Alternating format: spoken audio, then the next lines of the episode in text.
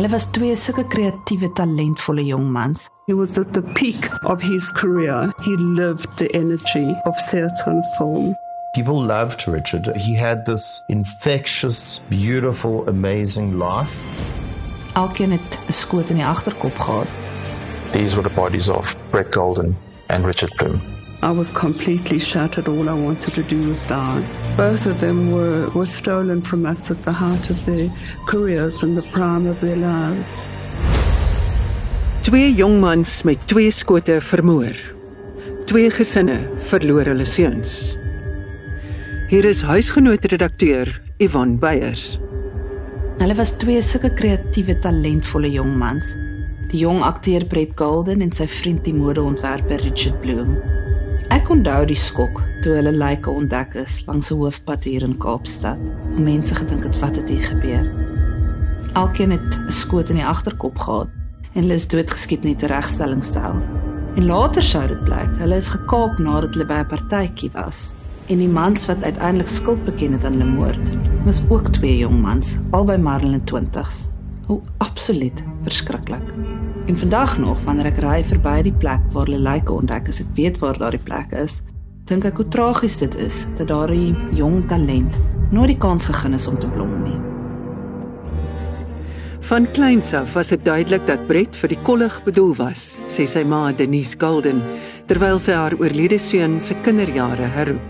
Brett was born in 1977 in October, and from the time he could talk properly, which was around about that time, the only thing he wanted to do was to be a movie star. So it was from a very young age. Um, he had his own television show called Barnaby's Comets, and then he did a, a season called High on Books where he presented it. But I brought along The Goalkeeper's Revenge. That sounds very interesting. What's it about? Well, I'll read you a bit from page 20. He went into professional theatre when he was very young, probably 12 or 13, with Janice Honeyman with Tale of Two Cities. And he, from there onwards, you know, he was in all the school productions. When Brett walked into a room, it, it literally lit up. He was always smiling, always happy. I used to love watching the exuberance that he displayed when he was forming. A couple of times I watched the forming of Crazy Monkey. Crazy monkey,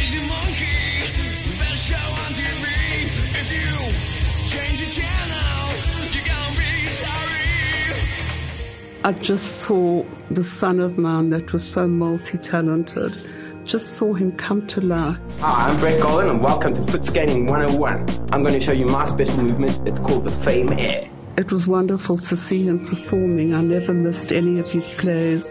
It was everything to him. When he was at the peak of his career, I'm Brian Hellman. I was Richard Bloom's partner.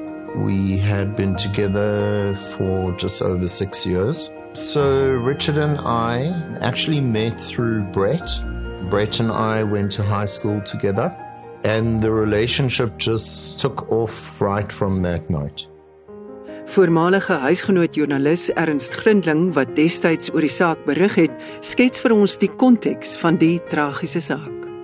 Hoewel hulle bewus was van mekaar voor, het hulle dan in 2001 as twee volwasse mans in die Kaap ontmoet en daar was net onmiddellik glo jy die die chemistry, die vonk tussen hulle gewees en Richard se passie en en, en lewenslus uh, was iets wat vir Brian geweldig gevoed het. He was such a joy to be around because that attitude and that energy spilled over to the people around him. He was ambitious, especially in his work. van van wat ek kon kon aflei was hy 'n uh, baie dinamiese en 'n en 'n 'n goeie um, modeontwerper uh, wat goed gedoen het in sy loopbaan. Hy was so 'n ligpunt gewees in Brian se lewe. As iemand wat selfvertroue uitgestraal het, wat positief was en voluit gelewe het. and he was just the most empathic and people loved Richard and I loved him immeasurably and still do. Brett and Richard were, you know, like a duo. Him and Richard were such good friends that Brett was almost always with us. And the two of them were, they were like a duo. I mean, Richard and I were the couple, but I think Brett and Richard had such an emotionally intimate relationship. It was the Jewish festival of Passover, which was Brett's favourite festival, his favourite holiday. He was in rehearsals for Hamlet in Cape Town, so he couldn't come home, and he was leaving in a few days. So on the Saturday, I decided to go to Cape Town to be with him before he went. And we were there at the flats, and I made him his favourite supper, which was chicken soup. And he came bursting through the door, full of excitement. They'd had a wonderful matinee, their first performance of Hamlet, and they had a standing ovation. And he was so happy and so excited. And we were having a wonderful dinner, and then the phone rang, and it was Richard. Richard's friend had organized, or not organized, had planned a dinner party that was going to be taking place on that Saturday night. Richard decided he was going to go to the dinner party, packed his stuff at a, in the afternoon, and he went to Brett.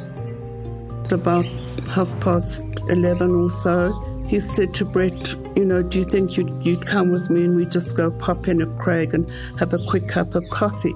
Now, Brett was meant to go through all his work permits and show reels and everything with me. So they said, Is it okay? I said, Of course, you know, of course it's okay. And I gave them each a hug and off they went. Op die aand van Saterdag 15 April 2006 het Brett en Richard 'n partytjie by 'n vriend se huis in Kampsbaai bygewoon. Hulle is omstreeks kwart voor 12 daardie aand vir die laaste keer deur hulle groep vriende gesien. The following morning, the alarm went off and I got up.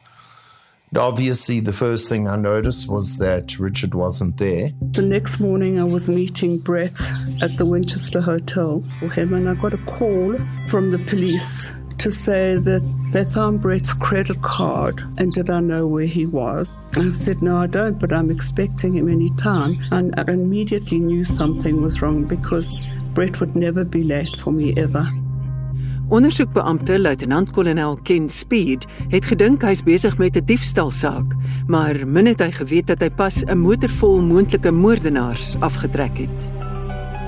Brett's mother called me and she was quite hysterical, but I went to meet her immediately. She then explained to me what had happened, and I just have this feeling that it's something really bad.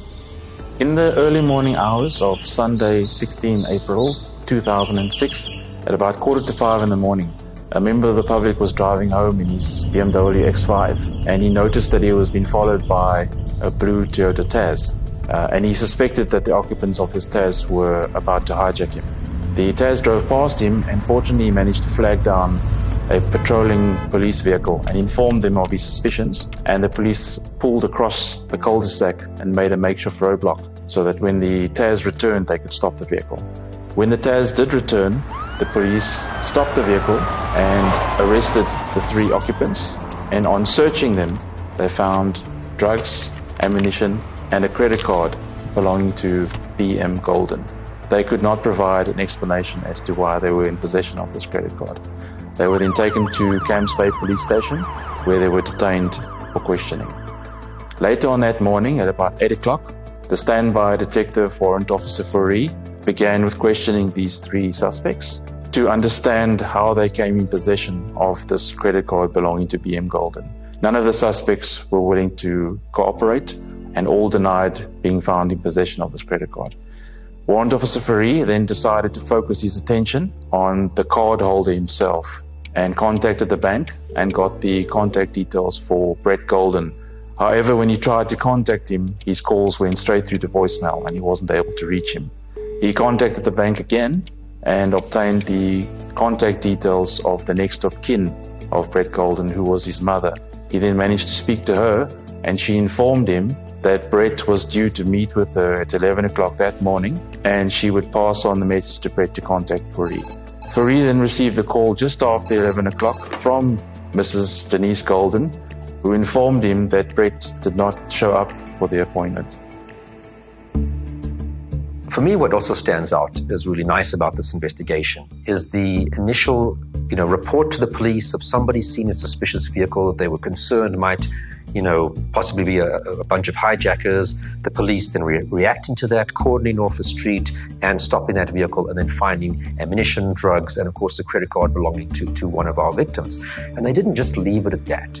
They actually then made the efforts to try and identify where is this person whose credit card. You know, a lot of police might have said, well, they probably stole it from someone, put it in evidence, leave it, and, and you know, let the detectives, you know, follow this up later. They literally follow that information up immediately. Um, and were able to determine that this person is missing. They had an appointment, they didn't arrive, uh, but they were with so and so, and then realized actually we've got something much bigger. We need to then have a more in depth uh, interview uh, with these particular suspects. So that was really fantastic for me because that's what how policing should be: the members of the community bringing information forward, the police responding immediately to it, and not and, and putting that extra effort in to actually trying to get answers to questions as opposed to here's something well we'll leave it for someone else to worry about or it was probably just stolen from someone's wallet therefore not a big issue etc etc i'm sure the card is cancelled so those little efforts and interests are really what makes policing become world class policing Dit was kliniese sielkundige en profielsamensteller professor Gerard Labuskaghni wat sy kennis deel oor die polisieeringsproses wat in die saak gevolg is. It was now Easter Sunday. Um, I started to look all over Cape Town. I went to the clubs, I went to the bars, I went wherever I could think where he might be or they might be. I went. They were nowhere. I called Brett's apartment building and spoke to the caretaker, spoke to a few of Brett's friends, and nobody'd seen him. That started a massive search party. The whole cast went out looking for him. On the Sunday evening, there must have been a couple of hundred people, and everybody was congregated there, and we were waiting for news. At about six in the morning, uh, this policeman came to the window and he knocked on the window and he said, uh, "We've we found them and they're dead." It was the early hours of Monday morning when they came to the flat and told us that the boys were were both dead. That was it. So we were left with terrible heartache and pain. Both families, all the friends. I was completely shattered. All I wanted to do was die. And uh, it was just a very surreal time. Sunday evening, members of the Serious and Violent Crimes Unit joined in the questioning of the three suspects. The purpose of the questioning was to establish the whereabouts of Brett and Richard. The early morning hours of Monday, about half past six, one of the suspects, Ramiz Saeed, indicated that he was going to go and show the police where Richard and Brett were. Captain Jenkins and his team accompanied Ramiz Saeed to the M5 highway in Mowbray, where Ramiz pointed to a clearing. When the police approached the clearing, they could see two bodies lying face down. On closer inspection, they realized these were the bodies of Brett Goldin and Richard Bloom. If you find a naked body, you often wonder what were the circumstances that led to the person being stripped of their clothing? Was it a practical purpose, or do we have a sexually motivated crime scene, etc.? They were tied, their, their hands in front of them with parts belonging to that came from the vehicle. Um, but it just really, just I think for anybody, just seems so heartless to have someone stripped naked. It's a very vulnerable position to be in, uh, being naked. Um, hands are tied and, and literally shot execution style. You know, it just comes across as such a, a heartless way for someone to die because you're stripped naked, literally and, and emotionally. Um, you have no way of defending yourself because your hands are tied and shot in the back of the head. It, it, it really just, I think, does speak to the person at least that pulled the trigger. When I first heard that, I went a bit hysterical. I went into the police station where these people were and tried to like break the boat. It was terrible. It was obviously an adrenaline thing.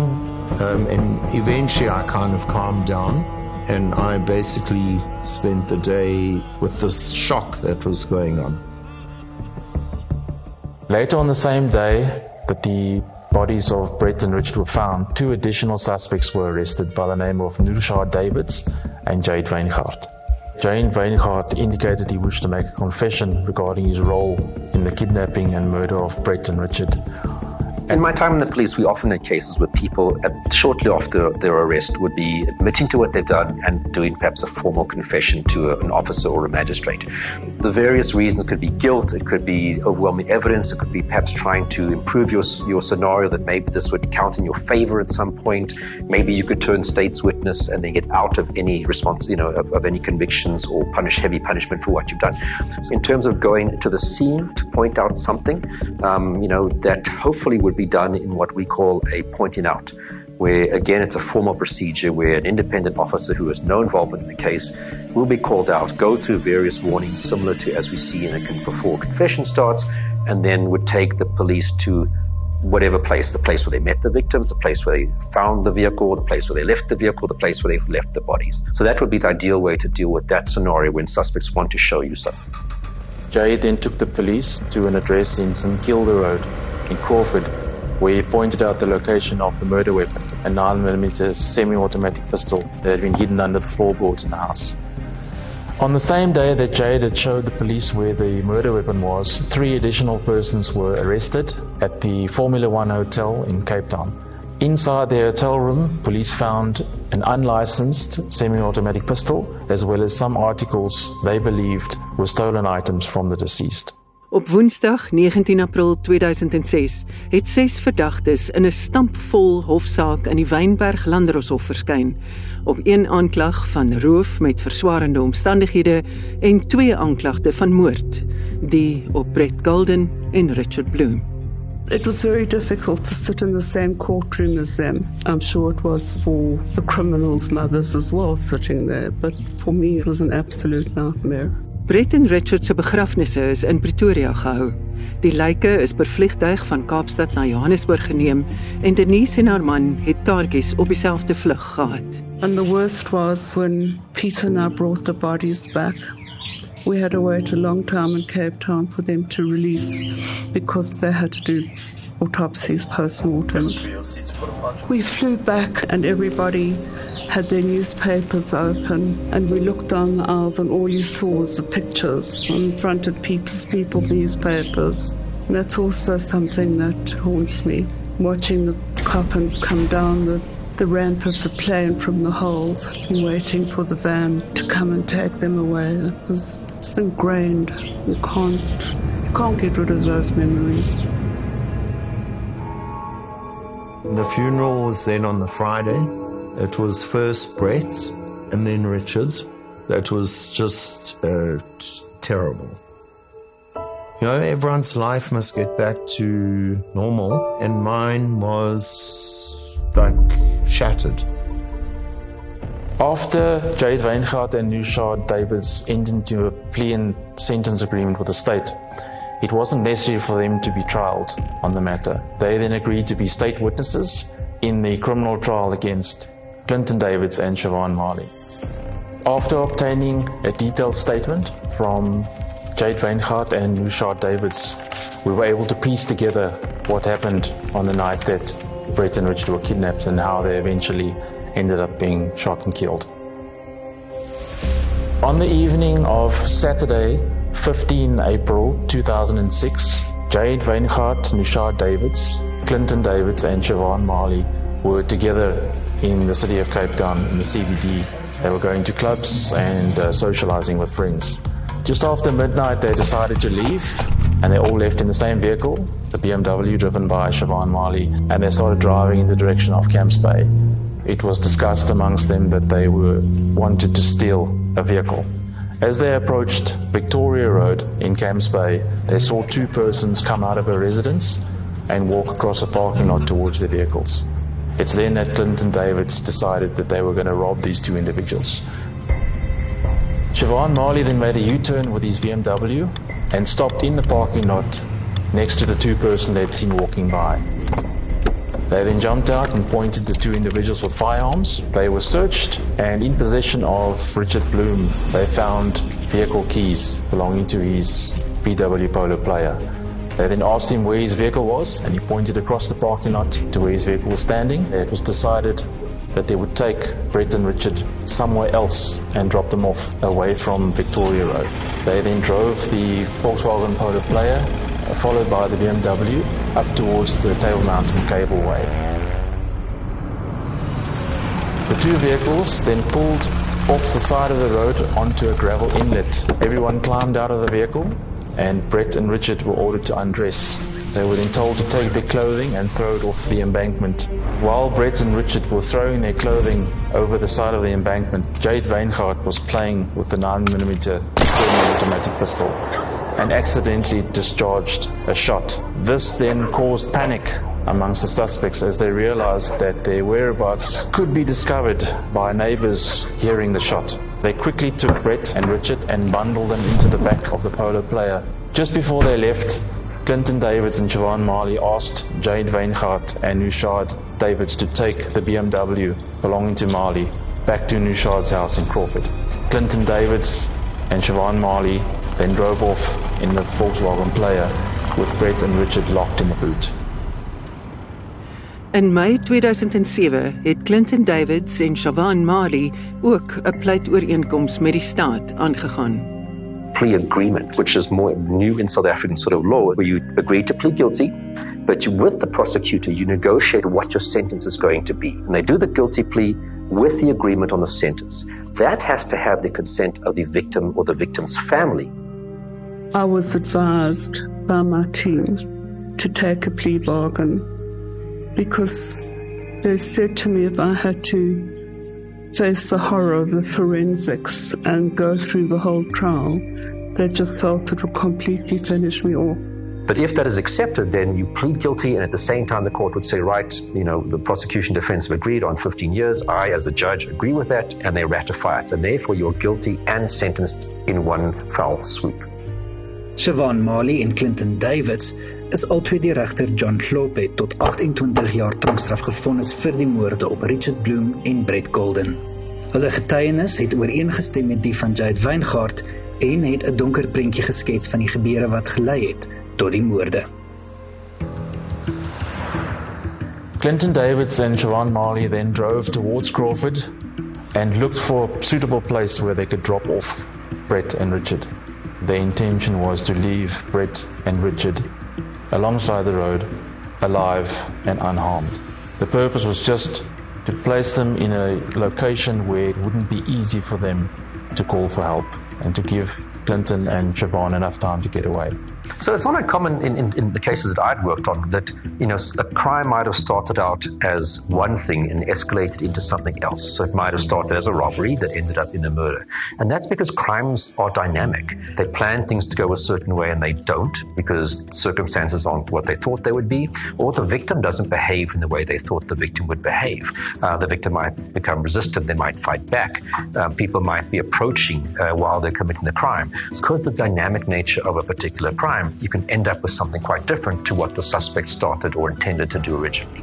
It became apparent from what they said to the police that this was really an opportunistic crime. They had been looking for a vehicle to hijack after themselves having been out drinking and taking drugs. Uh, so, this again, the, the, alcohol and the substances probably made this not the most effective attempt at, at uh, committing a crime because they weren't in the greatest state of mind, I would imagine.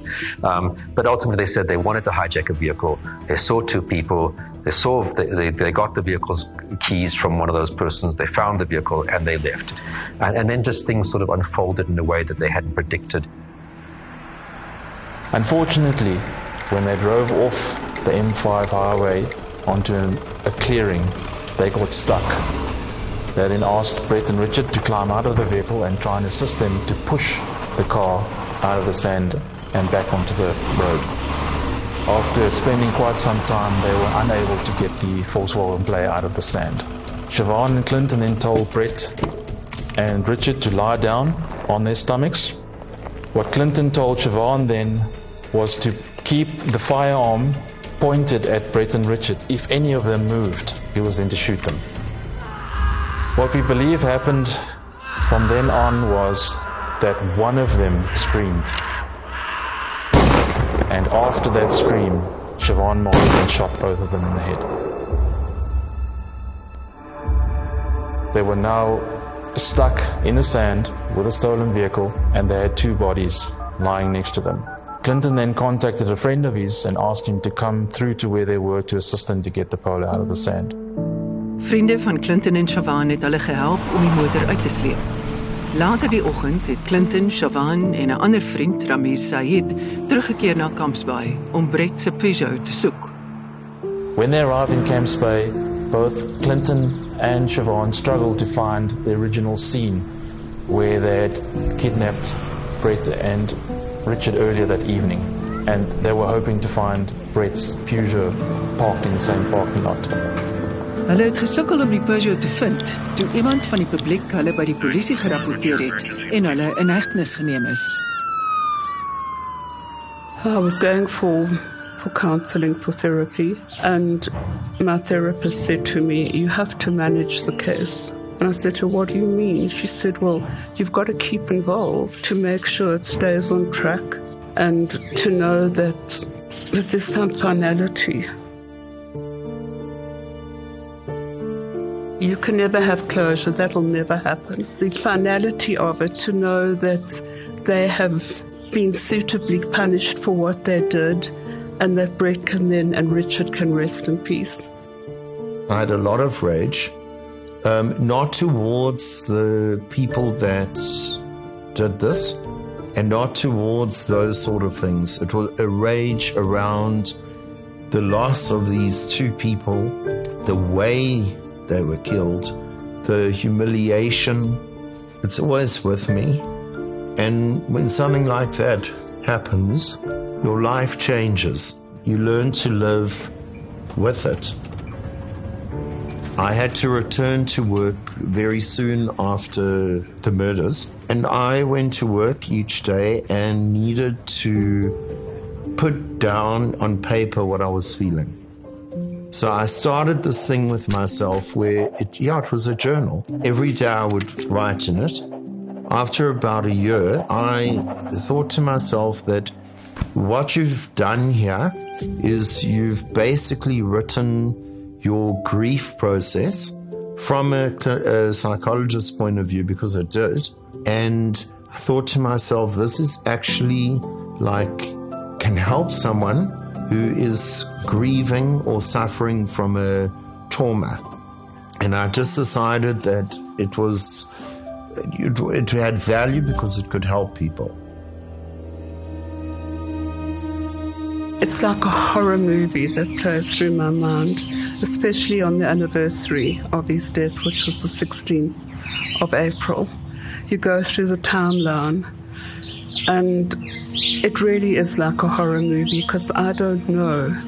I don't know what his last minutes were like. To try and find it, Ken Speed took Dorothy Ann Gould and I on the exact route where Brett was taken.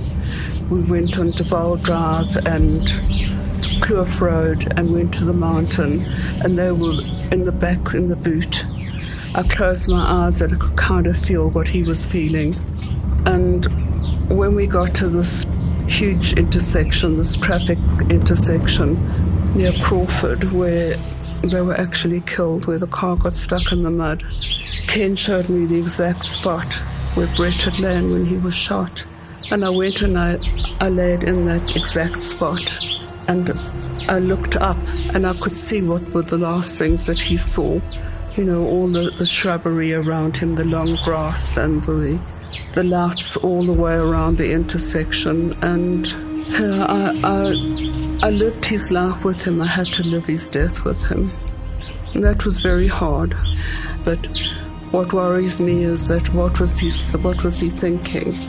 You know, was he scared? Did he know he was going to die? You know, it's it's all those things, and I know his thought would have been, "What's my mom going to do?" I know he would have thought that, and that's very hard. You get used to anything over time. You can never get over the death of a child, never. It Doesn't matter how many years it is, it's impossible. I think the me that was then died with Brett and came to life in another world, in another dimension, because it could never be the same again without him. You just can't possibly have the the same way of life when such an integral part of you is missing. I just remember the beginning for both of them of what would have been very successful and for them enjoyable life, certainly in their careers. So the potential they had, just the wonderful people they were. You know, it is what it is, and um, it was a hell of a loss because Richard had so much talent, and he was such a lovely person as well. And both of them were, were stolen from us at the heart of their careers and the prime of their lives.